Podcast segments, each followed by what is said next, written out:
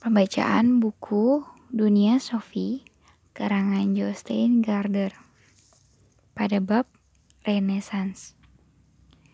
Tepat jam 12 ketika Sophie sampai di gerbang depan rumah Joanna. Napasnya terengah-engah akibat lari. Joanna sedang berdiri di halaman depan di luar rumah, keluarganya sedang bercat kuning. Kau pergi selama lima jam. Sophie menggelengkan kepalanya. Tidak, aku telah pergi selama lebih dari seribu tahun. Dari mana saja kamu? Kamu gila. Ibu menelpon setengah jam yang lalu. Kamu bilang apa padanya? Aku bilang kamu sedang ke toko obat. Dia bilang kamu harus menelponnya kembali begitu datang. Tapi ibu dan ayahku melihat tempat tidurmu kosong ketika mereka masuk membawa coklat panas dan tergulung pada jam 10 pagi. Kamu bilang apa pada mereka? Sangat memalukan, aku katakan bahwa kamu pulang sebab kita marahan. Kalau begitu mari kita baikan lagi dan kita harus memastikan bahwa orang tuamu tidak mengontak ibuku dalam beberapa hari ini. Apa kamu apa kamu kira kita dapat melakukannya? Joanna mengangkat bahu. Tepat pada saat itu ayahnya datang dan gerobak dorong. Dia mengenakan baju monyet dan sibuk membersihkan daunan dan cabang-cabang mati. Aha, jadi kalian sudah berbaikan lagi. Nah, sekarang tidak ada lagi satu daun pun di anak tangga rumah bawah tanah. Bagus, kata Sophie. Jadi barangkali kami dapat menikmati coklat panas di sana dan bukannya di tempat tidur. Ayah Joanna tertawa terpaksa, tapi Joanna tersentak. Dalam keluarga Sophie, percakapan terdengar lebih bebas daripada di rumah Pak Inge Brexton, sang penasehat keuangan dan istrinya yang senantiasa tertata rapi. Maaf Joanna, tapi kurasa aku harus ikut ambil bagian juga dalam operasi penyamaran ini. Apakah kamu akan menceritakannya padaku? Tentu, jika kamu mau berjalan pulang bersamaku, sebab ini bukan untuk telinga para penasihat keuangan atau boneka-boneka Barbie yang telah terlalu cepat dewasa. Keterlaluan kamu, kukira kamu beranggapan bahwa perkawinan tidak bahagia mendorong salah satu pihak lari ke laut itu lebih baik. Barangkali tidak, tapi aku hampir tidak tidur semalaman. Dan ada satu hal lagi, aku mulai bertanya-tanya apakah Hilde dapat melihat segala sesuatu yang kita lihat. Mereka mulai berjalan menuju Clover Close. Maksud kamu, dia mungkin mempunyai penglihatan kedua. Mungkin ya, mungkin tidak. Joanna jelas tidak begitu antusias dengan seluruh rahasia ini. Tapi itu bukan dapat menjelaskan mengapa ayahnya mengirimkan banyak kartu pos gila ke sebuah kubu kosong di tengah hutan. Kuakui itu sebuah titik lemah. Maukah kamu memberitahu bahwa barusan dari mana? Maka begitulah Sophie menceritakan segalanya pada Joanna, juga mengenai perjalanan filsafat, pelajaran filsafat itu. Dia memaksa Joanna berjanji untuk merahasiakan semua itu. Lama mereka berjalan tanpa berbicara. Ketika sudah dekat dengan Clover Close, Joanna berkata, "Aku tidak menyukainya." Dia berhenti di gerbang, gerbang rumah Sophie dan berbalik untuk pulang lagi. Tidak ada yang menyuruhmu untuk suka, tapi filsafat memang bukan permainan yang gampang. Itu menyangkut pertanyaan siapakah kita dan dari mana kita berasal. Tapi kamu kira yang kita pelajari di sekolah sudah cukup? Tidak ada yang bisa menjawab pertanyaan seperti itu. Ya, tapi kita bahkan tidak berusaha untuk menanyakannya. Makan siang sudah tersedia di meja ketika Sophie memasuki dapur. Ibu tidak bertanya mengapa Sophie tidak menelponnya dari rumah Joanna. Setelah makan siang, Sophie mengatakan bahwa dia tidak akan tidur siang. Dia mengakui bahwa dia hampir tidak tidur di rumah Joanna, yang sama sekali tidak aneh kalau sedang menginap di rumah orang. Sebelum naik ke tempat tidur, Sophie berdiri di depan cermin kuning yang besar yang kini tergantung di dinding kamarnya. Mula-mula dia hanya melihat wajahnya sendiri yang putih dan kelelahan. Tapi kemudian di belakang wajahnya sendiri muncul bayangan yang sangat samar-samar dari wajah lain. Sophie menarik satu dua nafas panjang. Ini bukan permulaan yang bagus untuk membayangkan macam-macam. Dia mengamati garis-garis tajam wajahnya sendiri yang pucat dan dibingkai dengan rambutnya menyebalkan. Itu yang tidak bisa mengikuti gaya mana pun kecuali gaya alamiah. Tapi di belakang wajah itu ada bayangan seseorang garis lain.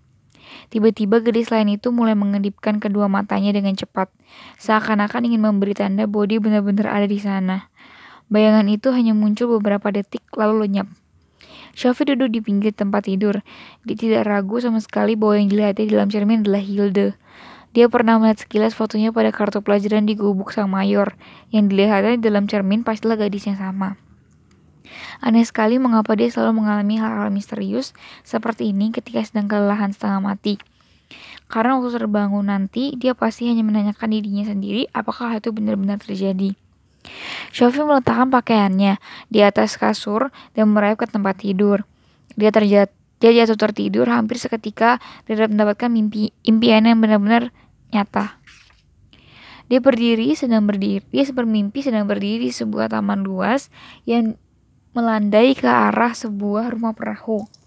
Di dok belakangnya duduk seorang gadis muda berambut indah yang tengah menatap perairan. Syafi berjalan turun dan duduk di sampingnya. Tapi gadis itu tampaknya tidak melihatnya. Syafi memperkenalkan diri. Aku Syafi, katanya. Tapi gadis lain itu jelas tidak mendengar atau melihatnya. Tiba-tiba Syafi mendengar sebuah suara memanggil, Hilde! Dengan serta-merta gadis itu melompat bangkit dari tempat duduknya dan lari secepat mungkin menuju rumah. Jadi dia tidak mungkin tuli atau buat buta. Seorang pria setengah bayar mendekatinya. Dia mengenakan seragam warna kuning pucat dan sebuah baret biru. Gadis itu merangkulnya, merangkulkan kedua tangannya di seputar leher pria itu. Dan dalam dorongannya, dia diputar-putarkan beberapa kali. Shofi melihat sebuah salib emas kecil yang tergantung pada rantai di atas dok tempat gadis itu duduk. Dia mengambilnya dan menyimpannya di tangannya, lalu terbangun.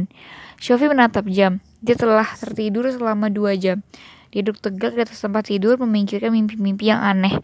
Rasanya sangat nyata, seakan-akan dia benar-benar mengalami hal itu. Dia juga yakin sekali bahwa rumah dan dok itu benar-benar ada di suatu tempat. Bukankah itu merupakan lukisan yang pernah dilihatnya tergantung di gubuk sang mayor? Bagaimanapun sama sekali tidak ada keraguan bahwa gadis dalam mimpinya itu adalah Hilde Muller Kenang dan bahwa pria itu adalah ayahnya yang telah pulang dari Lebanon. Dalam mimpinya itu, pria itu sangat mirip dengan Albertus Knox. Alberto Knox. Ketika Shopee berdiri dan mulai merapikan tempat tidurnya, dia menemukan sebuah salib emas dengan rantainya di bawah bantal. Di balik salib itu ada pahatan tiga huruf HMK. Ini bukan pertama kalinya Shofi bermimpi menemukan benda berharga. Tapi inilah pertama kalinya dia benar-benar menemukan benda yang dilihatnya dalam mimpi. Sialan, dia berseru keras-keras. Dia melihat sangat, dia merasa sangat marah, sehingga dia membuka pintu lemari dindingnya dan melemparkannya ke salib kecil itu.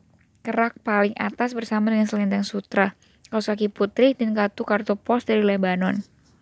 Keesokan harinya, Shofi terbangun dan mendapati sarapan besar berupa dadar gulung panas, sari buah jeruk telur, sari buah jeruk, telur, dan selada sayuran.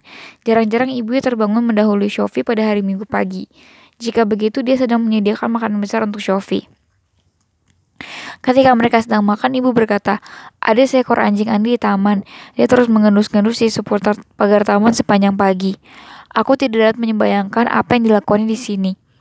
Iya, Shofi berteriak, dan serta-merta menyesalinya. Apakah ia pernah ke sini sebelumnya?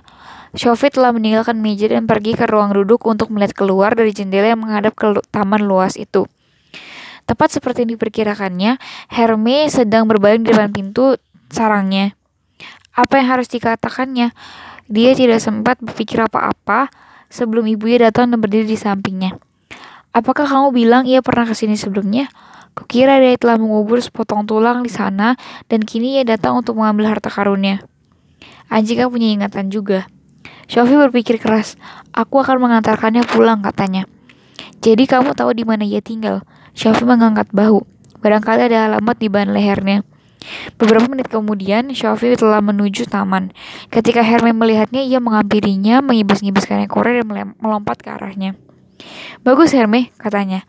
Shofi tahu ibunya sedang menyaksikan dari jendela. Ia berharap anjing itu tidak akan menyusup masuk pagar tanaman.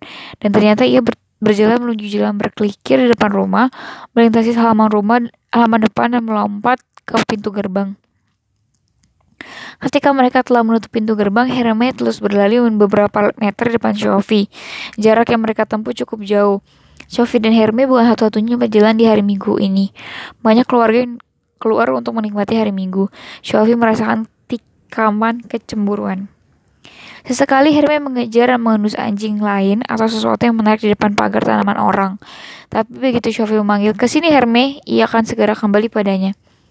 Mereka melintasi padang rumput, lapangan olahraga, tempat bermain, dan sampai suatu daerah dengan lalu lintas yang lebih ramai.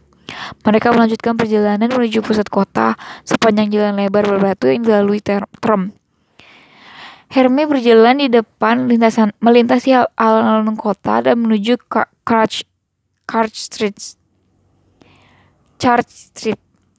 Mereka sampai di kota lama dan rumah-rumah besar yang tenang dan angker dari masa pergantian abad. Kini hampir jam setengah dua. Kini mereka berjalan di pinggiran kota. Shofi tidak sering datang ke sana. Pernah dia ke sana ketika masih kecil. Dan masih ingat untuk mengunjungi seorang lebih tua di salah satu jalan ini. Akhirnya mereka sampai di sebuah alun kecil di antara beberapa rumah tua. Alun-alun itu dinamakan New Square meskipun kelihatannya sudah sangat kuno.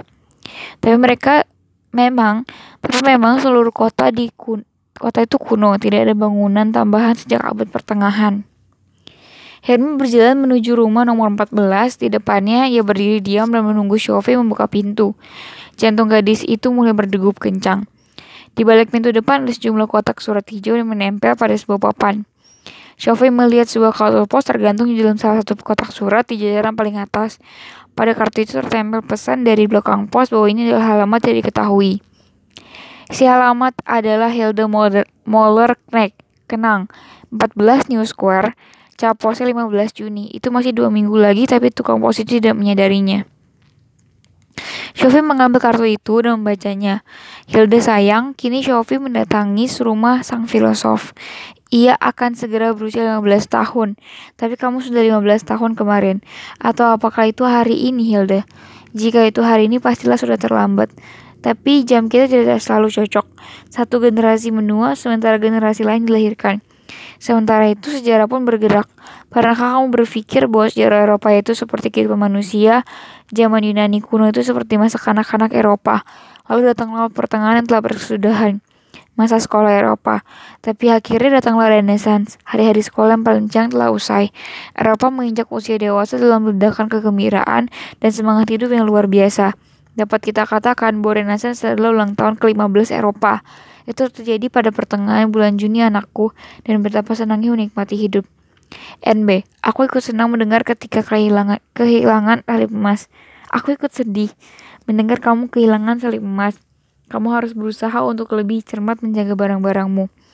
Penuh sayang, ayah yang berada tak jauh benar dari dirimu.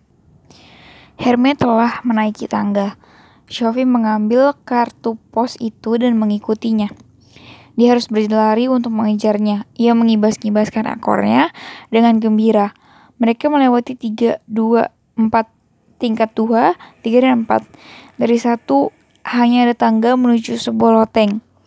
Apakah mereka akan naik ke atap? Herme menangkat naik di atas tangga dan berdiri di depan sebuah pintu sempit yang digaruk-garukannya dengan kukunya. Shofi mendengar langkah kaki dari dalam. Pintu terbuka dan di sana berdiri Alberto Knox. Dia kini mengenakan kostum yang berbeda, terdiri dari kaos kaki putih, celana lutut berwarna merah, dan jaket kuning dengan bahu terganjal. Dia mengingatkan Shofi pada gambar badut dalam tumpukan kartu. Jika tidak keliru, inilah kostum khas zaman Renaissance. Badut lucu, Shofi berseru dengan sedikit mendorongnya agar tidak dapat masuk. Sekali lagi dia menipiskan rasa takut dan malunya pada guru filsafat yang malang itu. Pikiran Shofi sedang rusuh akibat kartu pos yang ditemukannya di ruang masuk. Di bawah, tenanglah anakku, kata Alberto sambil menutup pintu di belakangnya. Ini ada pos yang datang, kata Shofi menyerahkannya padanya kartu pos itu seakan-akan dialah yang bertanggung jawab pada pengirimnya. Alberto membacanya dan menggiling-gilingkan kepalanya. Dia menjadi semakin berani saja. Aku tidak akan heran jika dia memang memanfaatkan kita sebagai semacam hiburan bagi ulang putrinya. Sambil mengatakan itu, dia merobek-robek kartu pos itu menjadi potongan-potongan kecil dan kemudian melemparkannya ke ranjang sampah. Di situ dikatakan bahwa Hilda kehilangan salibnya, kata Shofi. Begitulah yang kubaca. Dan aku menemukannya salib yang sama di bawah bantal di rumahku.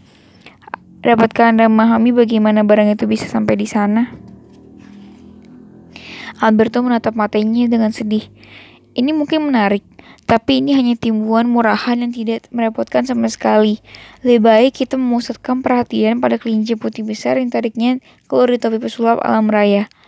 Mereka menuju ruang duduk. Itu adalah salah satu ruangan paling hebat yang pernah dilihat Sophie. Alberto tinggal di sebuah apartemen loteng yang dengan dindingnya melandai. Cahaya tajam langsung dari langit membanjiri ruangan itu dari jendela loteng dipasang pada satu dinding. Masih ada lagi sebuah jendela yang menghadap ke kota. Melalui jendela itu, Sophie dapat memandang seluruh atap di kota lama tapi yang paling mengagetkan Sophie adalah barang-barang yang memenuhi ruangan itu. Perabot dan benda-benda dari berbagai periode sejarah. Ada sebuah sofa dari tiga tahun puluhan, sebuah meja tua dari awal abad ini, dan sebuah kursi yang umurnya pasti telah seratusan tahun. Tapi bukan hanya perabotnya, benda-benda kuno, entah yang dapat dipakai atau hanya pajangan, campur aduk di rak dan lemari-lemari. Dan beberapa jam dan vas kuno, mortir, dan tabung kimia pisau dan boneka, pena bulu ayam dan penahan buku, oktan dan sextan, kompas dan barometer, satu jam satu dinding penuh oleh buku dan bukan jenis buku yang ditemukan di kebanyakan toko buku. Koleksi buku itu sendiri merupakan contoh produksi dari masa ratusan tahun. Pada dinding-dinding yang lain tergantung gambar dan lukisan, sebagian dari beberapa dasawarsa belakangan ini. Tapi sudah tapi kebanyakan sudah sangat tua. Ada banyak peta kuno di dinding dan sepanjang menyangkut Norwegia. Peta-peta itu tidak dapat memberikan gambaran yang tepat. Sophie berdiri mengamati semuanya selama beberapa menit tanpa berbicara. Banyak sekali sampah yang dapat Anda kumpulkan, katanya. Nah, nah, coba pikir, berapa abad sejarah yang telah kulestarikan di ruangan ini. Aku tidak akan menyebutnya sampah. Apakah Anda mau membuka sebuah toko antik atau yang semacam itu? Alberto nyaris kehilangan kelihatan tersinggung. Kita tidak boleh membiarkan diri tersapu ol oleh gelombang pasang sejarah Sophie. Sebagian dari kita harus bertahan agar mengumpulkan apa yang telah ditinggalkan di sepanjang tepian sungai. Aneh, benar perkataan Anda. Iya, tapi bagaimanapun itu benar, nak. Kita tidak hidup di zaman kita saja. Kita membawa serta sejarah di dalam diri kita. Jangan lupa bahwa segala sesuatu yang kamu lihat di ruangan ini dulunya pernah baru. Boneka kayu kuno dari abad ke-16 itu dulu mungkin dibuat untuk ulang tahun seorang anak gadis berusia 15 tahun. Oleh kakaknya yang sudah tua, mungkin. Lalu dia beranjak remaja, lalu dewasa, dan kemudian dia menikah. Mungkin dia pun mempunyai seorang putri sendiri yang memberikan boneka itu kepadanya. Dia bertambah tua dan suatu hari dia meninggal. Meskipun dia berumur sangat panjang, suatu hari dia berpulang, berpulang dan menghilang. Dan dia tidak akan pernah kembali. Sesungguhnya dia datang ke sini. Hanya untuk kunjungan singkat. Tapi bonekanya ya itulah dia di atas rak. Segalanya kedengaran menyedihkan dan serius jika Anda berbicara seperti itu. Hidup itu memang menyedihkan dan serius. Kita tidak kita dibiarkan memasuki dunia yang indah. Kita bertemu satu sama lain, saling menyapa dan berkelana bersama untuk sejenak. Lalu kita saling kehilangan dan lenyap. Dengan cara yang sama menedaknya dan sama tidak masuk akalnya seperti ketika kita datang. Bolehkah saya menanyakan sesuatu? Kita sudah tidak pernah petak umpet lagi. Mengapa Anda pindah ke gubuk sang mayor? Anda tidak saling berjauhan. Ketika kita hanya berbicara lewat surat, aku tahu gubuk itu tua kosong. Jadi Anda pindah ke sana begitu saja. Benar, aku pindah ke sana. Jadi mungkin Anda juga bisa menjelaskan bagaimana Ayah Hilde tahu Anda ada di sini. Jika Anda tidak salah, dia nyari serba tahu. Tapi aku masih belum mengerti sama sekali bagaimana Anda dapat menyuruh seorang pengantar pos membawa kiriman ke tengah hutan. Alberto tersenyum perlahan. Bahkan hal-hal semacam itu merupakan sesuatu yang sepele bagi Hilde. Tipuan murahan, sulapan sederhana, kita hidup di bawah pengawasan yang sangat cermat. Shafi dapat merasakan dirinya marah. Jika aku bertemu denganmu, aku akan mencungkil keluar matamu. Alberto berjalan dan kemudian duduk di atas sofa. Sophie mengikuti dan tenggelam di sebuah kursi bertangan yang dalam. Hanya filsafat yang dapat membawa kita mendekati ayah Hilde. Kata Alberto akhirnya. Hari ini aku akan menceritakan padamu tentang Renaissance. Silakan. Tidak terlalu lama setelah Santo Aquinas, keretakan mulai timbul pada kebudayaan penyatu agama Kristen. Filsafat dan ilmu pengetahuan semakin menjauh dari teologi gereja, dan dengan demikian memungkinkan kehidupan agama sampai pada hubungan yang lebih bebas dengan penalaran. Kini semakin banyak orang menekankan bahwa kita tidak dapat sampai kepada Tuhan melalui rasionalisme, sebab Tuhan itu sama sekali tidak dapat dikenali. Yang penting bagi manusia bukanlah memahami misteri ilahi, melainkan pasrah pada kehendak Tuhan. Karena agama dan ilmu pengetahuan kini dapat berhubungan secara lebih bebas satu sama lain, terbukalah jalan pada metode-metode ilmiah baru dan semangat keagamaan yang baru pula. Maka terciptalah landasan bagi dunia kehebohan besar pada abad ke-15 dan ke-16 yaitu Renaissance dan Reformasi. Bisa kita membahasnya satu demi satu dengan Renaissance yang kita, kita maksudkan adalah perkembangan budaya yang dimulai daripada akhir abad ke-14. Itu dimulai di Italia Utara dan menjemur dengan cepat pada abad ke-15 dan ke-16. Bukankah Anda katakan bahwa kata Renaissance berarti kelahiran kembali? Memang benar. Dan yang dilahirkan kembali itu adalah kesenian dan kebudayaan Yunani kuno kita juga membicarakan humanisme renaissance.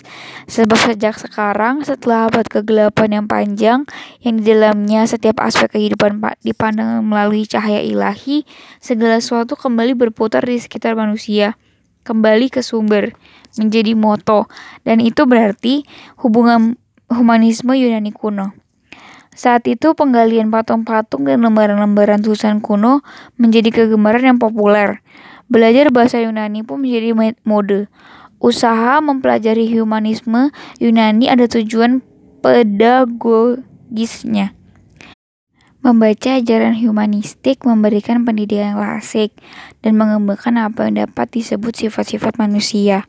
Kuda itu dilahirkan katanya, tapi manusia tidak dilahirkan, mereka dibentuk. Apakah kita harus dididik untuk menjadi manusia? Ya, begitulah idenya. Tapi sebelum kita mengamati lebih cermat gagasan-gagasan humanisme Renaissance, harus kita bicarakan dulu latar belakang politik dan budaya Renaissance. Alberto bangkit dari sofa dan mulai menjelajahi ruangan. Setelah sesaat dia berhenti dan menunjuk sebuah instrumen antik di salah satu rak. Apakah itu? Dia bertanya. Kelihatannya seperti kompas tua. Benar sekali. Selanjutnya dia menunjuk sebuah senjata api yang tergantung di pada dinding suatu sofa. Dan itu sebuah senapan kuno. Tepat. Dan ini Alberto menarik sebuah buku besar dari salah satu rak buku. Ini adalah sebuah buku lama agar benar-benar tepat. Ini dinamakan Ikuna Bulum. Ikuna Inkuna Bulum. Sesungguhnya ini bukan berarti buayan Kata itu digunakan untuk buku-buku yang dicetak pada masa lahirnya percetakan, yaitu pada tahun 1500. Benarkah sudah setua itu? Setua itu, ya. Dan ketiga, penemuan ini, kompas, senjata api, dan percetakan, merupakan prasyarat penting bagi periode baru ini yang kita sebut Renaissance. Anda harus menjelaskannya lebih gamblang, agak lebih gamblang. Kompas membuat pelayaran lebih mudah. Dengan kata lain, ia menjadi dasar bagi pelayaran-pelayaran besar dan untuk menemukan sesuatu. Demikian pula senjata api. Dalam satu hal, senjata baru itu memberikan pada bangsa-bangsa Eropa keunggulan militer atas kebudayaan Amerika dan Asia, meskipun senjata api juga merupakan faktor penting di Eropa. Percetakan memainkan peranan penting dalam menyebarkan gagasan-gagasan baru kaum humanis Renaissance, dan seni percetakan merupakan salah satu faktor yang memaksa gereja untuk melepaskan posisi awalnya sebagai satu-satunya penyebaran pengetahuan. Penemuan-penemuan instrumen-instrumen baru mulai mengikutinya dengan cepat. Salah satu instrumen penting misalnya adalah teleskop yang menghasilkan satu landasan yang sama sekali baru untuk astronomi. Dan akhirnya datanglah roket dan penyelidikan ruang angkasa. Nah, kamu melangkah terlalu cepat, tapi dapat dikatakan bahwa proses yang dimulai oleh pa pada zaman Renaissance itu akhirnya bisa membawa orang ke bulan atau juga ke Hiroshima, ke Hiroshima dan Chernobyl. Bagaimanapun, semua itu dimulai dengan perubahan-perubahan pada bidang kebudayaan dan ekonomi. Syarat yang penting adalah transisi dari ke ekonomi untuk sekedar menyambung hidup ke ekonomi moneter. Menjelang akhir abad pertengahan, kota-kota telah berkembang dengan perdagangan yang efektif dan pertukaran barang-barang baru yang ramai. Ekonomi moneter dan perbankan. Kelas menengah bangkit dan mengembangkan suatu kebebasan tertentu dalam kaitan dengan syarat-syarat dasar kehidupan. Barang kebutuhan menjadi sesuatu yang dapat dibeli dengan uang. Keadaan ini menuntut orang untuk rajin, imajinatif, dan cerdik. Individu berhadapan dengan tuntutan-tuntutan baru. Itu agak mirip dengan cara-cara kota Yun cara kota-kota Yunani dikembangkan 2000 tahun sebelumnya. Tidak sepenuhnya salah. Telah kuceritakan padamu bagaimana filsafat Yunani melepaskan diri dari gambaran dunia mitologi yang terkait dengan kebudayaan petani. Dengan cara yang sama, kelas menengah Renaissance merontak dari para tuan tanah feodal dan kekuasaan gereja, maka ditemukanlah kembali kebudayaan Yunani melalui hubungan yang telah dekat dengan bangsa Arab di Spanyol dan kebudayaan Bizantium di timur. Tiga sungai kecil yang menyebar dari zaman Yunani kuno bergabung kembali menjadi satu sungai besar. Kamu memang murid yang penuh perhatian. Itu memberimu latar belakang bagi Renaissance. Kini akan kuceritakan padamu tentang gagasan-gagasan baru. Oke, tapi aku harus pulang dan makan. Alberto duduk kembali di sofa. Dia memandang Sophie. Di atas semuanya, Renaissance menimbulkan pandangan baru tentang manusia. Humanis Renaissance membawa kepercayaan pada manusia dan niat nilainya. Sangat bertentangan dengan ketekanan dari abad pertengahan yang penuh prasangka pada hakikat manusia yang penuh dosa. Kini manusia dianggap sangat hebat dan berharga. Salah satu tokoh utama dari Renaissance adalah Marsilio Pisino yang berseru, kenalilah dirimu sendiri, wahai keturunan ilahi dalam samaran sebagai manusia. Tokoh utama lainnya Pico della Mirandola menulis pidato tentang kemuliaan manusia, Orantio on the, on the dignity of man, sesuatu yang pasti tidak terpikirkan di pertengahan. Sepanjang periode abad pertengahan, titik tolak selalu pada Tuhan. Kaum humanis zaman Renaissance mengambil titik tolak dari manusia itu sendiri. Tapi begitu juga para filosof Yunani. Karena itulah maka kita membicarakan kelahiran kembali humanisme zaman Yunani kuno. Tapi humanisme Renaissance jauh lebih dikenal karena tekanannya pada individualisme. Kita bukan hanya umat manusia, kita adalah individu-individu yang unik. Manusia gagasan itu selanjutnya mendorong pada pemujian yang tak terkendali pada kecerdasan pikiran. Maka yang ideal jadinya adalah yang kita namakan manusia renaissance, yaitu manusia dengan kecerdasan universal yang mencakup seluruh aspek kehidupan. Kesenian dan ilmu pengetahuan. Pandangan baru mengenai manusia itu juga mewujudkan dirinya dalam minat pada anatomi manusia. Seperti di zaman Yunani kuno, orang berusaha sekali lagi membedah manusia yang telah mati untuk mengetahui bagaimana susunan tubuh itu. Ini sangat penting bagi ilmu kedokteran maupun kesenian. Sekali lagi, karya seni bisa melukiskan tubuh telanjang. Memang sudah waktunya setelah seribu tahun menahan diri. Manusia sekali lagi menjadi berani untuk menjadi dirinya sendiri. Tidak lagi membuatnya malu. Kedengarannya memabukkan, kata Sophie menyadarkan lengannya pada meja kecil yang berdiri di antara dirinya dan sang filosof. Tak pelak lagi pandangan baru mengenai umat manusia mendorong pada suatu cara pandang yang sama sekali berbeda. Manusia ada bukan semata-mata demi Tuhan. Oleh karena itu manusia boleh berbahagia dalam kehidupannya di sini sekarang. Dan dengan kebebasan baru untuk berkembang ini, kemungkinannya menjadi tak terbatas. Tujuannya kini adalah melanggar semua batasan. Ini adalah suatu ini juga suatu gagasan baru dilihat dari suatu sudut pandang humanis Yunani. Kaum humanis dari zaman Yunani kuno menekankan pentingnya ketenangan, sikap yang tak berlebihan dan pengendalian diri. Dan kaum humanis Renaissance kehilangan kendali mereka. Jelas mereka kehilangan sifat tidak berlebihan. Mereka bertindak seakan-akan seluruh dunia telah dibangunkan kembali.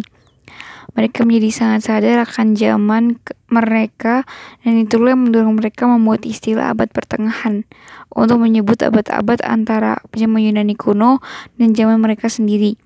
Timbul pertambahan yang tidak tara dan dalam seluruh bidang kehidupan, kesenian arsitektur, literatur, literatur, musik, filsafat, dan ilmu pengetahuan berkembang luar biasa. Aku akan menyebutkan satu contoh konkret. Kita pernah membicarakan Romawi kuno yang berjaya dengan julukan-julukan seperti kota dari segala kota dan pusat alam raya. Pada pertengahan kota itu hancur dan pada 1417 metropolis kuno itu hanya berpenduduk 17 orang. Tidak lebih banyak dari Lilesan setempat Hilde. Kaum humanis Renaissance beranggapan bahwa tugas mereka membangun kembali kota Roma. Yang pernah dan terutama adalah mulai membangun gereja besar Santo Petrus di atas kuburan Rasul Paulus dan gereja Santo Petrus Petrus sama sekali tidak menunjukkan kesederhanaan dan pengendalian diri. Banyak sekali seniman besar Renaissance ikut ambil bagian dalam proyek pembangunan ini yang terbesar di dunia.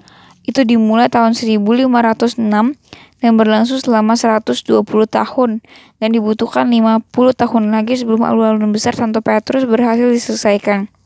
Itu pasti gereja raksasa. Gereja itu panjangnya 200 meter dan tingginya 300 meter dan menempati area lebih dari 16 meter. Tapi itu cukup sajalah cerita tentang kepongahan manusia renaissance. Yang juga penting adalah bahwa manusia renaissance mempunyai pandangan baru mengenai alam kenyataan bahwa manusia merasa nyaman berada di dunia dan tidak menganggap kehidupan semata-mata sebagai persiapan untuk akhirat, menciptakan suatu pendekatan yang sama sekali baru terhadap dunia fisik. Alam kini dianggap sebagai hal yang positif. Banyak yang mempunyai pandangan bahwa Tuhan juga hadir dalam ciptaannya. Jika memang terbatas, dia pasti ada dalam segala sesuatu. Gagasan ini dinamakan panteisme, panteisme para filosof abad pertengahan berkeras bahwa ada tirai yang tidak dapat ditembus antara Tuhan dan ciptaan. Dapat dikatakan bahwa alam itu ilahi dan bahkan ia merupakan jelmaan Tuhan. Gagasan-gagasan semacam ini tidak dapat diterima oleh baik dengan baik oleh gereja. Nasib Giordano Bruno merupakan contoh bah dramatis dalam hal ini. Dia bukan hanya menyatakan bahwa Tuhan hadir di alam ini, dia juga dia pun percaya bahwa alam raya itu tidak terbatas jangkauannya. Dia dihukum berat karena gagasan-gagasannya. Bagaimana? Dia dibakar di tiang pancang di pasar bunga Roma pada 1600. Sungguh mengerikan dan tolol. Dan Anda menyebutnya humanisme? Tidak, sama sekali tidak. Bruno seorang humanis tapi penghukumnya bukan. Pada zaman Renaissance, apa yang kita namakan anti-humanisme pun berkembang. Dengan ini, yang aku maksudkan adalah kekuasaan otoriter negara dan gereja. Pada masa Renaissance berkobar keinginan untuk mengadili para wanita penyihir, membakar para penganut bidah, sihir dan takhayul, perang-perang keagamaan yang bersimpah darah, dan yang tidak kalah dari semua itu penaklukan yang sangat kejam di atas Amerika. Tapi humanisme selalu mengandung sisi gelap. Tidak ada zaman yang sepenuhnya baik atau sepenuhnya buruk. Kebaikan dan keburukan adalah benang kembar yang menjalin sejarah umat manusia. Dan sering kali keduanya saling berkait. Ini berlaku dalam kata kunci kita selanjutnya, yaitu metode ilmiah baru. Inovasi renaissance lainnya yang akan kuceritakan padamu. Apakah itu ketika mereka membangun pabrik-pabrik baru? Tidak, belum. Tapi persyarat bagi seluruh perkembangan teknis yang terjadi setelah Renaissance adalah metode ilmiah baru. Dengan itu yang kumaksudkan adalah pendekatan yang sama sekali baru terhadap ilmu pengetahuan. Hal-hal hasil-hasil teknis dari metode ini tak baru tampak jelas belakangan. Apakah metode baru itu? Apakah metode baru ini Utamanya adalah proses penyelidikan alam dengan indera kita sendiri. Sejak abad ke-14 semakin banyak ahli pikir yang memberikan peringatan bahwa kepercayaan buta kepada otoritas lama entah itu doktrin agama atau filsafat alam Aristoteles. Juga timbul peringatan terhadap kepercayaan bahwa segala masalah dapat dipercayakan semata-mata melalui pikiran. Kepercayaan yang berlebihan pada pentingnya akal telah mengakar sepanjang abad pertengahan. Kini dikatakan bahwa setiap penyelidikan terhadap fenomena alam harus didasarkan pada pengamatan, pengalaman, dan percobaan. Kita menyebut ini metode empiris.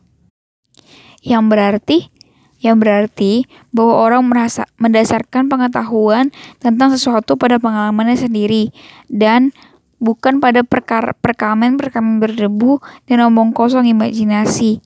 Ilmu empiris telah dikenal pada zaman Yunani kuno, tetapi pencobaan sistematis benar-benar sesuatu yang baru. Kukira mereka tidak memiliki sedikit pun peralatan seperti yang kita miliki sekarang. Tentu saja mereka tidak memiliki kalkulator atau timbangan elektronik, tapi mereka mempunyai matematika dan juga timbangan. Dan yang mereka paling penting dari semua ini adalah pengungkapan pengamatan-pengamatan ilmiah dalam istilah matematika yang tepat. Ukurlah apa yang dapat diukur, dan buatlah agar dapat diukur sesuatu yang tidak dapat diukur. Kata si orang Italia, Galileo Galilei, yang merupakan salah satu ilmuwan paling penting dari abad ke-17. Dia juga mengatakan bahwa buku alam ditulis dengan bahasa matematika. Dan semua percobaan serta pengukuran ini memungkinkan terjadinya penemuan-penemuan baru. Tahap pertama adalah metode ilmiah baru, ini memungkinkan terjadi revolusi teknis itu sendiri, dan perobosan teknis membuka jalan menuju terowongan penemuan sejak itu.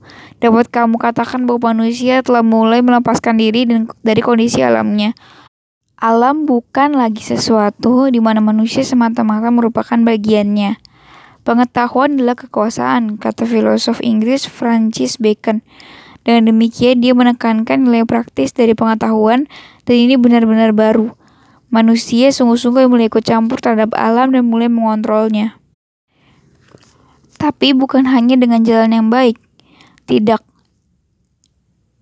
Inilah yang dimaksudkan sebelumnya ketika aku berbicara tentang benang baik dan benang buruk yang saling berjalan dalam segala sesuatu yang kita kerjakan. Revolusi teknik yang dimulai pada zaman Renaissance mendorong munculnya kemajuan dan pengangguran, obat-obatan dan penyakit baru, peningkatan efisiensi dalam bidang pertanian, dan pemiskinan lingkungan, peralatan praktis seperti mesin cuci dan kulkas, serta polusi dan limbah industri. Ancaman serius terhadap lingkungan yang kita hadapi sekarang telah membuat banyak orang memandang revolusi teknik itu sebagai penyesuaian yang keliru terhadap kondisi-kondisi alam. Ada menyatakan bahwa kita telah memulai sesuatu yang tidak dapat lagi kita kontrol. Para tokoh yang lebih optimis beranggapan bahwa kita masih hidup di dunia buaya teknologi.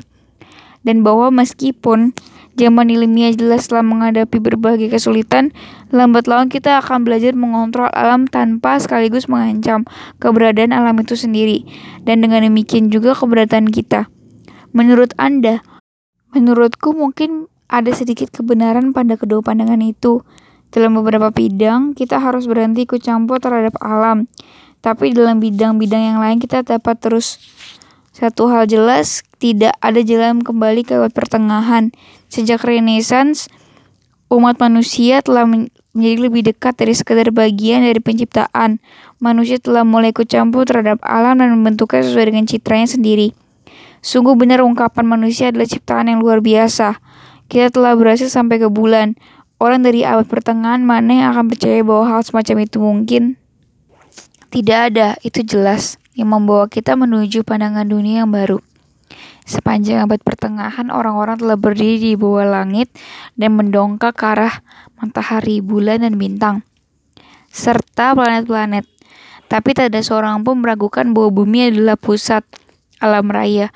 Tidak ada pengamatan yang dapat menanamkan keraguan sedikit pun bahwa bumi tetap diam. Sementara benda-benda angkasa berputar mengelilinginya di orbit mereka. Kita menyebut ini gambaran dunia geosentris, atau dengan kata lain kepercayaan bahwa segala sesuatu berpusat di seputar bumi. Keyakinan Kristen bahwa Tuhan memerintah dari langit jauh di atas kita, jauh di atas benda-benda angkasa, juga ikut memberikan sumbangan pada bertahannya gambaran dunia ini. Kuharap masalahnya sesederhana itu. Pada tahun 1543, sebuah buku kecil diterbitkan dengan judul Pergerakan Lingkaran Langit on the Revolution of the Celestial Spirits. Buku itu tulis ditulis oleh seorang ahli astronomi Polandia bernama Nikolaus Copernicus yang meninggal pada hari buku tersebut diterbitkan. Copernicus menyatakan bahwa bukan matahari yang bergerak mengelilingi bumi, melainkan sebaliknya. Dia beranggapan ini sangat mungkin berdasarkan pengamatan-pengamatan terhadap benda-benda angkasa yang ada. Alasan atas kepercayaan orang bahwa matahari bergerak mengelilingi bumi adalah bumi berputar pada proses sendiri. Begitu katanya. Dia menyatakan bahwa semua pengamatan terhadap benda-benda angkasa jauh lebih mudah dipahami jika ada orang beranggapan bahwa bumi maupun planet-planet lain berputar di sekeliling matahari. Kita menyebut ini gambaran dunia heliosentris, yang berarti bahwa segala sesuatu berpusat di sekeliling matahari. Dan gambaran itu yang benar, tidak sepenuhnya. Pemikiran utamanya bahwa bumi bergerak mengelilingi matahari sudah tentu benar, tapi dia juga menyatakan bahwa matahari merupakan pusat alam raya. Kini kita tahu bahwa matahari hanyalah salah satu bintang-bintang yang terbatas jumlahnya dan bahwa seluruh bintang di sekitar kita hanyalah salah satu dari bermiliar-miliar galaksi. Kopernikus juga percaya bahwa bumi dan planet-planet lainnya bergerak dalam orbit yang berputar mengelilingi matahari. Bukankah memang demikian? Tidak, dia tidak mempunyai landasan apa-apa untuk mendasarkan kepercayaannya pada orbit yang berputar, selain dari gagasan kuno bahwa benda-benda angkasa itu bulat dan bergerak berputar semata-mata karena mereka ada di angkasa. Sejak zaman Plato, bulatan atau lingkaran telah dianggap sebagai bentuk geometris paling sempurna. Tapi pada awal 1600-an, ahli astronomi Jerman Johannes Kepler menunjukkan hasil pengamatan komprehensifnya yang membuktikan bahwa planet-planet itu bergerak dalam orbit yang berbentuk elips atau bulat telur dengan matahari pada pusatnya. Dia juga mengemukakan bahwa kecepatan sebuah planet itu paling besar ketika ia berada paling dekat dengan matahari, dan bahwa semakin jauh orbit sebuah planet dari matahari, semakin lambat ia bergerak. Sebelum masa Kepler tidak pernah dinyatakan bahwa bumi itu hanyalah sebuah planet sebagaimana planet-planet lain.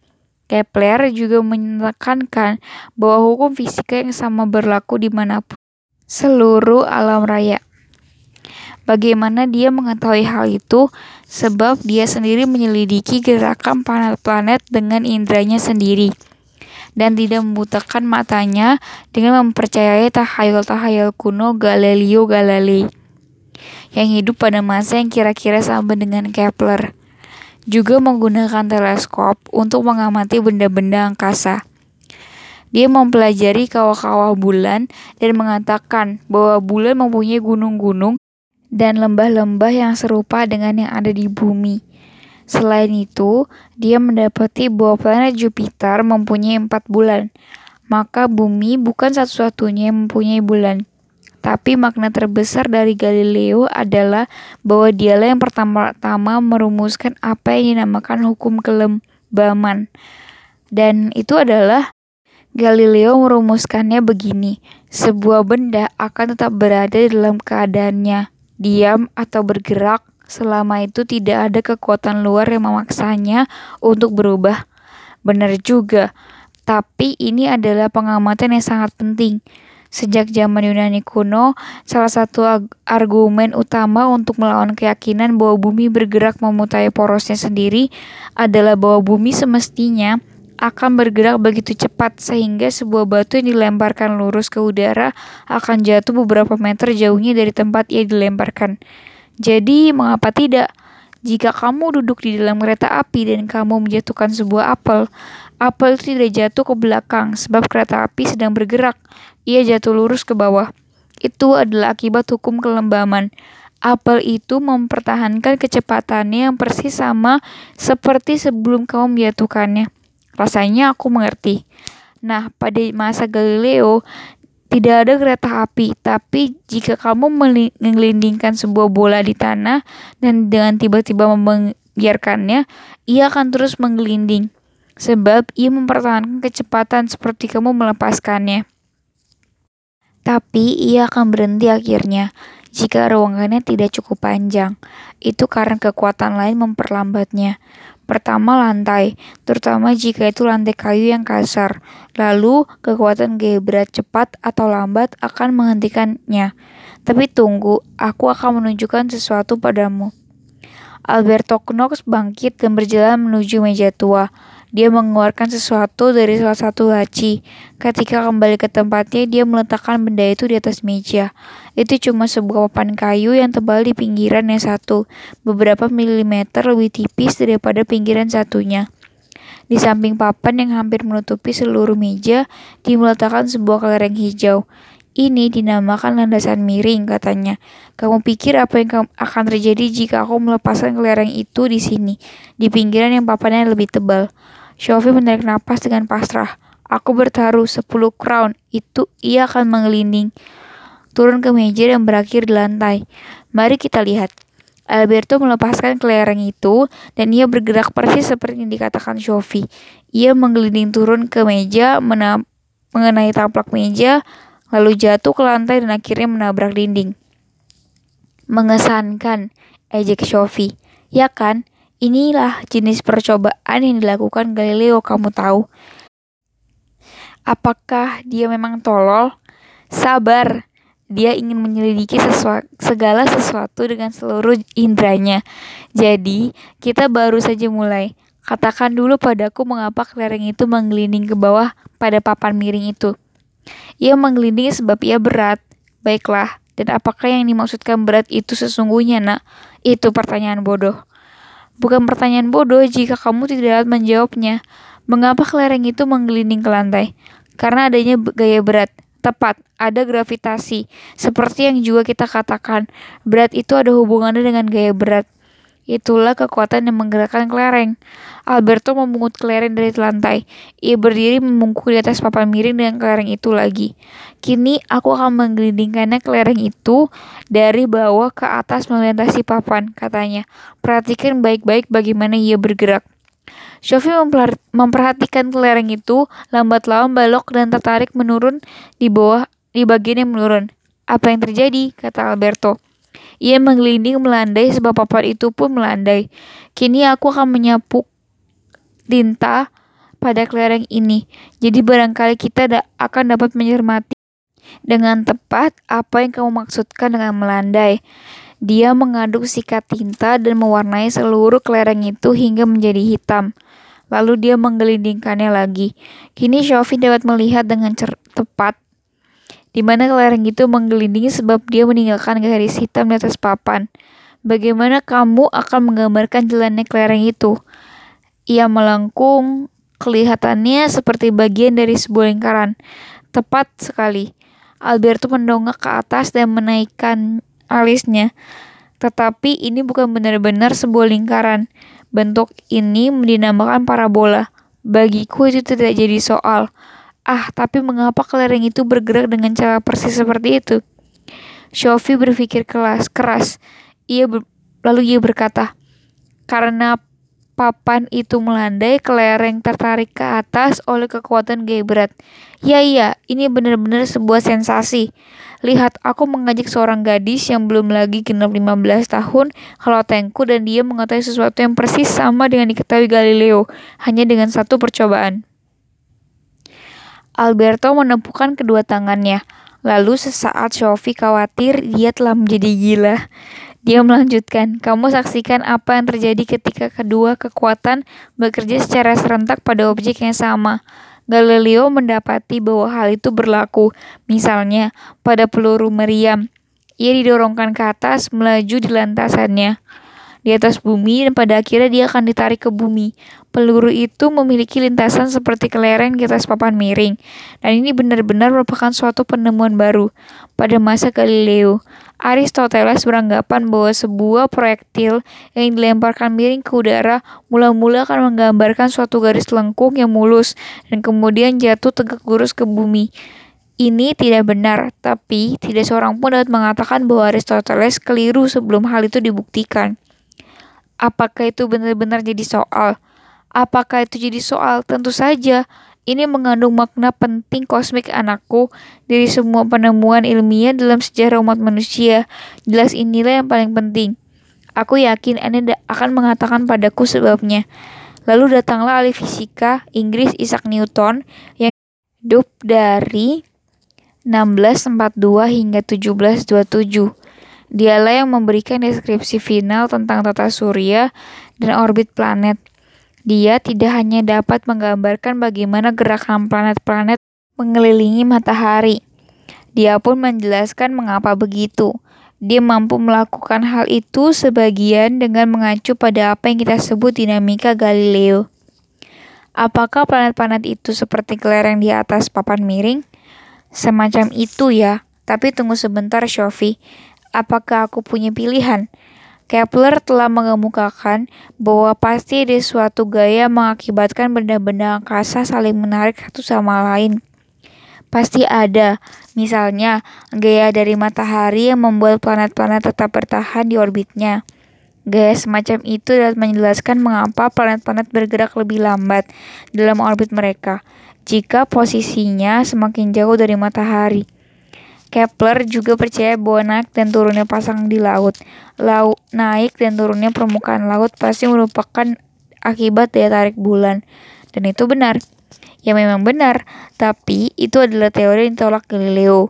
Dia mengejek Kepler yang dikatakannya telah memberikan persetujuan pada gagasan bahwa bulan mengatur air. Itu karena Galileo menolak gagasan bahwa kekuatan gaya tarik dapat menjangkau jarak yang sangat jauh. Dan juga di antara benda-benda angkasa. Dia salah di situ. Ya, dalam hal yang satu itu, dia salah. Dan itu lucu, sungguh, sebab dia begitu disibukkan dengan gaya berat bumi dan benda-benda yang berjatuhan. Dia bahkan mengatakan bagaimana kekuatan yang semakin besar dapat mengontrol gerakan suatu benda. Tapi kita sedang membicarakan Newton. Ya, maka datanglah Newton. Dia merumuskan apa yang kita namakan hukum gravitasi universal. Hukum ini menyatakan bahwa setiap objek menarik sebuah, semua objek lainnya dengan suatu kekuatan yang semakin mengikat, sebanding dengan ukuran objek itu dan menurun sebanding dengan jarak antara objek-objek itu. Kukira aku mengerti. Misalnya ada daya tarik yang lebih besar antara dua gajah daripada antara dua tikus. Dan ada daya tarik yang lebih besar antara dua gajah di kebun binatang daripada antara dua gajah India di India dan seekor gajah Afrika di Afrika. Jadi, kamu sudah memahaminya. Dan kini adalah titik utamanya. Newton membuktikan bahwa daya tarik atau gravitasi ini bersifat universal. Artinya, dapat berlaku di mana-mana, juga di angkasa di antara benda-benda angkasa.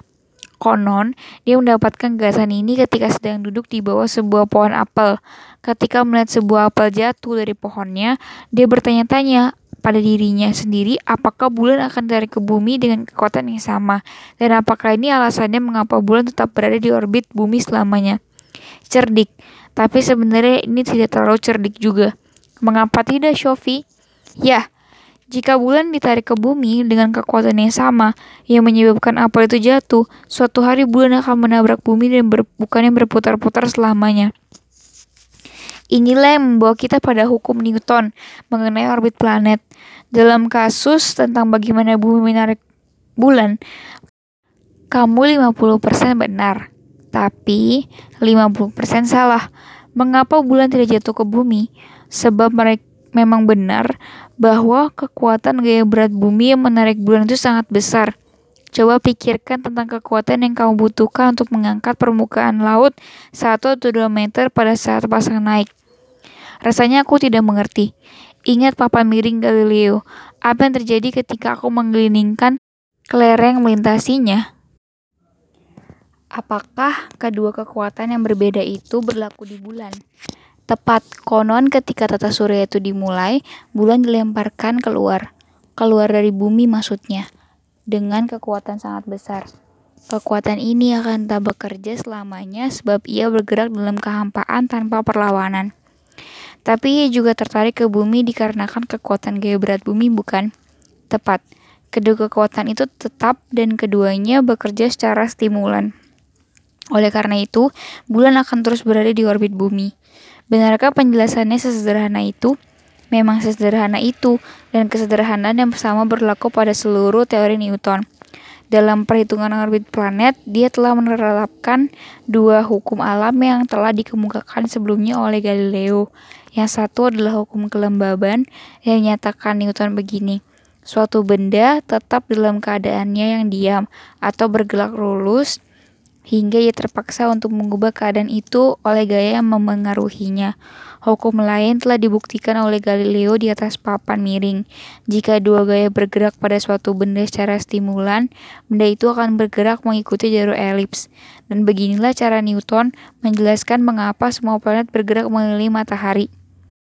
Ya, semua planet bergerak dalam orbit elips mengelilingi matahari sebagai akibat adanya dua gerakan yang tidak setara. Pertama, gerakan lurus ketika tata surya terbentuk, dan kedua, gerakan arah matahari akibat gaya berat.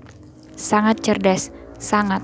Newton membuktikan bahwa hukum yang sama mengenai benda-benda yang bergerak berlaku di mana-mana di seluruh alam raya. Demi, dengan demikian, dia mengesampingkan kepercayaan abad pertengahan bahwa ada satu perangkat hukum untuk langit dan perangkat lain untuk bumi. Pandangan dunia heliosentris telah menemukan penegasan dan penjelasan finalnya. Alberto bangkit dan menyimpan kembali papan miring itu. Dia memungut kelereng dan menempatkannya di atas meja di antara mereka. Shafi berpikir betapa banyak yang dapat mereka ketahui hanya dari sepotong kayu miring dan sebuah kelereng. Ketika dia menatap kelereng hijau itu yang masih tercelup tinta tidak dapat tidak dia memikirkan bulatan bumi katanya dan Orang harus menerima begitu saja bahwa mereka hidup di dunia sembarang planet di suatu tempat di angkasa. Ya, pandangan dunia yang baru itu dalam banyak hal merupakan suatu beban berat. Situasi dapat dibandingkan dengan apa yang terjadi di kemudian hari. Ketika dari membuktikan bahwa manusia berevolusi dari binatang. Dalam kedua kasus tersebut, manusia kehilangan status istimewanya dalam penciptaan, dan dalam kedua kasus itu gereja menentang keras. Aku dapat memahami hal itu, sebab di manakah Tuhan dalam seluruh urusan baru itu akan lebih sederhana jika bumi merupakan pusat dan Tuhan serta planet-planet itu ada di atas. Tapi itu bukan tantangan yang paling besar. Ketika Newton telah membuktikan bahwa beberapa hukum alam berlaku di mana-mana di seluruh jagat raya, orang mungkin berpikir bahwa dengan cara itu dia akan merusak kepercayaan pada kemahakuasaan Tuhan. Tapi keteguhan Newton sendiri tak pernah tergoyahkan. Dia menganggap hukum alam sebagai bukti adanya Tuhan yang maha besar dan maha kuasa, dan kemungkinan bahwa gambaran manusia tentang dirinya sendiri lebih buruk. Maksud Anda bagaimana? Sejak Renaissance, orang telah terbiasa menjalani kehidupan mereka di sebuah planet dalam galaksi yang maha luas itu. Aku tidak yakin bahwa kita telah menerima hal itu sepenuhnya bahkan sejak sekarang ini. Tetapi memang ada orang-orang bahkan pada zaman Renaissance yang mengatakan bahwa kita mempunyai posisi yang lebih penting daripada zaman sebelumnya. Aku tidak paham. Sebelumnya, bumi merupakan pusat dunia. Tapi sejak para ahli astronomi mengatakan bahwa tidak ada pusat mutlak dari alam raya, maka terpikirkanlah bahwa ada banyak pusat lain sebagaimana ada banyak orang lain. Setiap orang dapat menjadi pusat suatu alam raya. Ah, aku kira aku mengerti. Renaissance mengakibatkan timbulnya semangat keagamaan baru.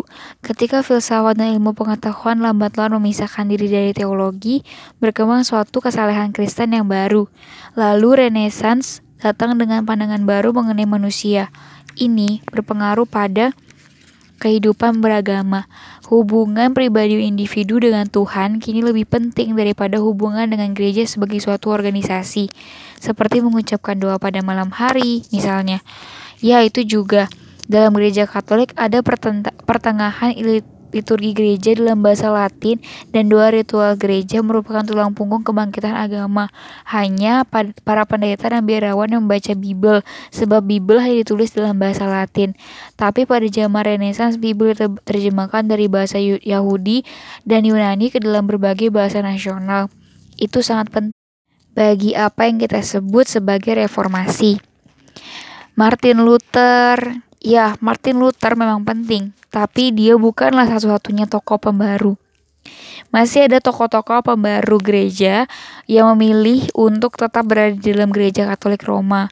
Salah satu di antara mereka adalah Erasmus dan Rotterdam. Luther memisahkan diri dari gereja Katolik sebab dia tidak mau membayar pengampunan dosa, bukan? Ya, memang salah satu alasannya, tetapi masih ada alasan lain lebih penting. Menurut Luther, orang-orang itu tidak membutuhkan campur tangan gereja atau para pendeta untuk meminta ampunan Tuhan. Ampunan Tuhan juga tidak tergantung pada pembelian izin dari gereja. Perdagangan surat-surat izin itu dilarang oleh gereja Katolik sejak abad ke-16. Barangkali Tuhan gembira karena itu. Secara umum, Luther menjauhkan diri dari banyak adat istiadat dan aga, dogma keagamaan yang telah mengakar dalam sejarah gereja sepanjang abad pertengahan.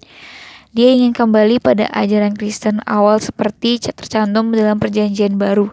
Cukup kitab suci saja, katanya. Dengan slogan ini, Luther berkeinginan untuk kembali pada sumber agama Kristen, sebagaimana kaum humanis Renaissance ingin kembali pada sumber-sumber kuno dalam bidang kesenian dan kebudayaan, Luther menerjemahkan Bible ke dalam bahasa Jerman dan dengan cara itu menegakkan tradisi menulis dalam bahasa Jerman. Dia percaya setiap manusia harus mampu membaca Bible dan dengan begitu menjadi pendeta bagi dirinya sendiri. Menjadi pendeta bagi dirinya sendiri, bukankah itu agak terlalu jauh? Yang dimaksudkannya adalah bahwa para pendeta tidak mempunyai posisi lebih utama dalam berhubungan dengan Tuhan. Para jemaat Luther memperkerjakan para pendeta karena alasan praktis seperti menyelenggarakan kebaktian dan menjalankan tugas-tugas kependetaan sehari-hari. Tetapi Luther tidak percaya bahwa ada orang yang menerima ampunan dan penebusan Tuhan dari dosa-dosanya melalui ritual gereja. Manusia menerima penembusan tanpa bayar, hanya melalui iman, katanya. Inilah keyakinan yang didapatkannya setelah membaca Bible. Jadi Luther adalah juga sejenis manusia renaissance. Ya dan tidak. Ciri renaissance-nya adalah tekanannya pada individu dan hubungan pribadi individu itu dengan Tuhan. Maka dia belajar sendiri bahasa Yunani pada umur 30 tahun dan mulai mengerjakan tugas berat menerjemahkan Bible dari versi Yunani kuno ke dalam bahasa Jerman. Ia lebih mengutamakan bahasa yang dipahami orang daripada bahasa Latin, juga merupakan ciri khas Renaissance. Tapi, Luther merupakan seorang humanis seperti Vicino atau Leonardo da Vinci. Dia juga ditentang oleh para humanis seperti Erasmus dan Rotterdam, sebab mereka beranggapan pandangannya mengenai manusia terlalu negatif. Luther menyatakan bahwa umat manusia sudah lama sekali rusak akhlaknya setelah kejatuhan dari surga. Dia yakin melalui karunia Tuhan sajalah manusia dapat diluruskan, sebab alasan bagi dosa adalah kematian. Kedengarannya sangat menyedihkan. Albert Knox bangkit. Dia memungut kelereng kecil hijau dan hitam dan menyimpannya di dalam kantong bajunya yang paling atas. Sudah jam 4, Sophie terperanjat. Dan zaman besar selanjutnya dalam sejarah umat manusia adalah zaman barok. Tapi kita akan menyimpannya untuk hari lain hidupku sayang. Apa kata Anda? Sophie melompat dari kursinya. Anda manggilku Hilde. Itu kesel Leolida yang sangat serius. Tapi kesel Leolida tidak pernah terjadi secara kebetulan. Kamu mungkin benar, kamu akan mengetahui bahwa ayah Hilde sudah mulai masukkan kata-kata ke dalam mulutku. Kukira dia memanfaatkan kenyataan bahwa kita semakin letih dan tidak dapat mempertahankan diri dengan baik. Anda pernah mengatakan bahwa Anda bukan ayah Hilde. Apakah itu benar? Alberto mengangguk. Tapi aku Hilde. Aku lelah sekarang, Sophie. Mungkin harus mengerti hal itu. Kita telah duduk di sini selama lebih dari dua jam, dan kebanyakan akulah yang berbicara. Bukankah kamu harus pulang untuk makan? Sophie merasakan seakan-akan Alberto berusaha untuk melempar kannya keluar. Ketika memasuki aula kecil, dia berpikir keras mengapa Alberto melakukan kekeliruan itu. Alberto pun melangkah keluar di belakangnya. Hermes sedang berbayang tiduran di bawah jajaran pasak, tepat tergantung beberapa pakaian kostum teater yang kelihatannya aneh. Alberto mengangguk ke arah anjing itu dan berkata, dia akan datang dan menjemputmu. Terima kasih untuk pelajarannya, kata Sophie. Ia memeluk Alberto secara spontan. Anda adalah guru filsafat paling baik dan paling sabar yang pernah kumiliki, katanya. Dengan kata-kata itu, ia membuka pintu menuju tangga. Ketika pintu ditutup, Alberto berkata, Tidak akan lama sebelum kita bertemu lagi, Hilde. Sophie tinggal, ditinggalkan dengan kata-kata itu. Keseleo lidah lagi. Sophie sangat ingin berbalik dan mengendur pintu, tapi sesuatu menahannya. Ketika sampai di jalan, dia ingat bahwa dia tidak membawa uang sama sekali. Dia harus berjalan terus sampai di rumah. Sungguh menjengkelkan. Ibunya akan marah dan juga khawatir jika dia belum pulang sampai jam 6, itu pasti. Dia telah melangkah lebih dari beberapa meter ketika tiba-tiba dilihatnya sebuah koin di lantai di kaki lima. Itu uang 10 kron tepat seharga karcis bus. Shofi berjalan menuju halte bus dan menunggu bus untuk menuju Main Square. Dari sana ia dapat naik bus dengan tiket yang sama dan turun nyaris depan pintu rumahnya. Setelah berdiri di Main Square menunggu bus kedua, barulah dia bertanya-tanya mengapa dia begitu beruntung dapat menemukan koin tepat ketika dia membutuhkannya. Mungkinkah ayah Hilda telah meninggalkannya di sana? Dia paling jago meninggalkan benda-benda di tempat yang paling menarik. Bagaimana bisa dia melakukan itu jika dia berada di Lebanon? Dan mengapa Alberto membuat keluaran itu? Bukan cuma sekali, tapi dua kali. Shofi menggigil. Dia merasa dingin sampai ke tulang belakangnya.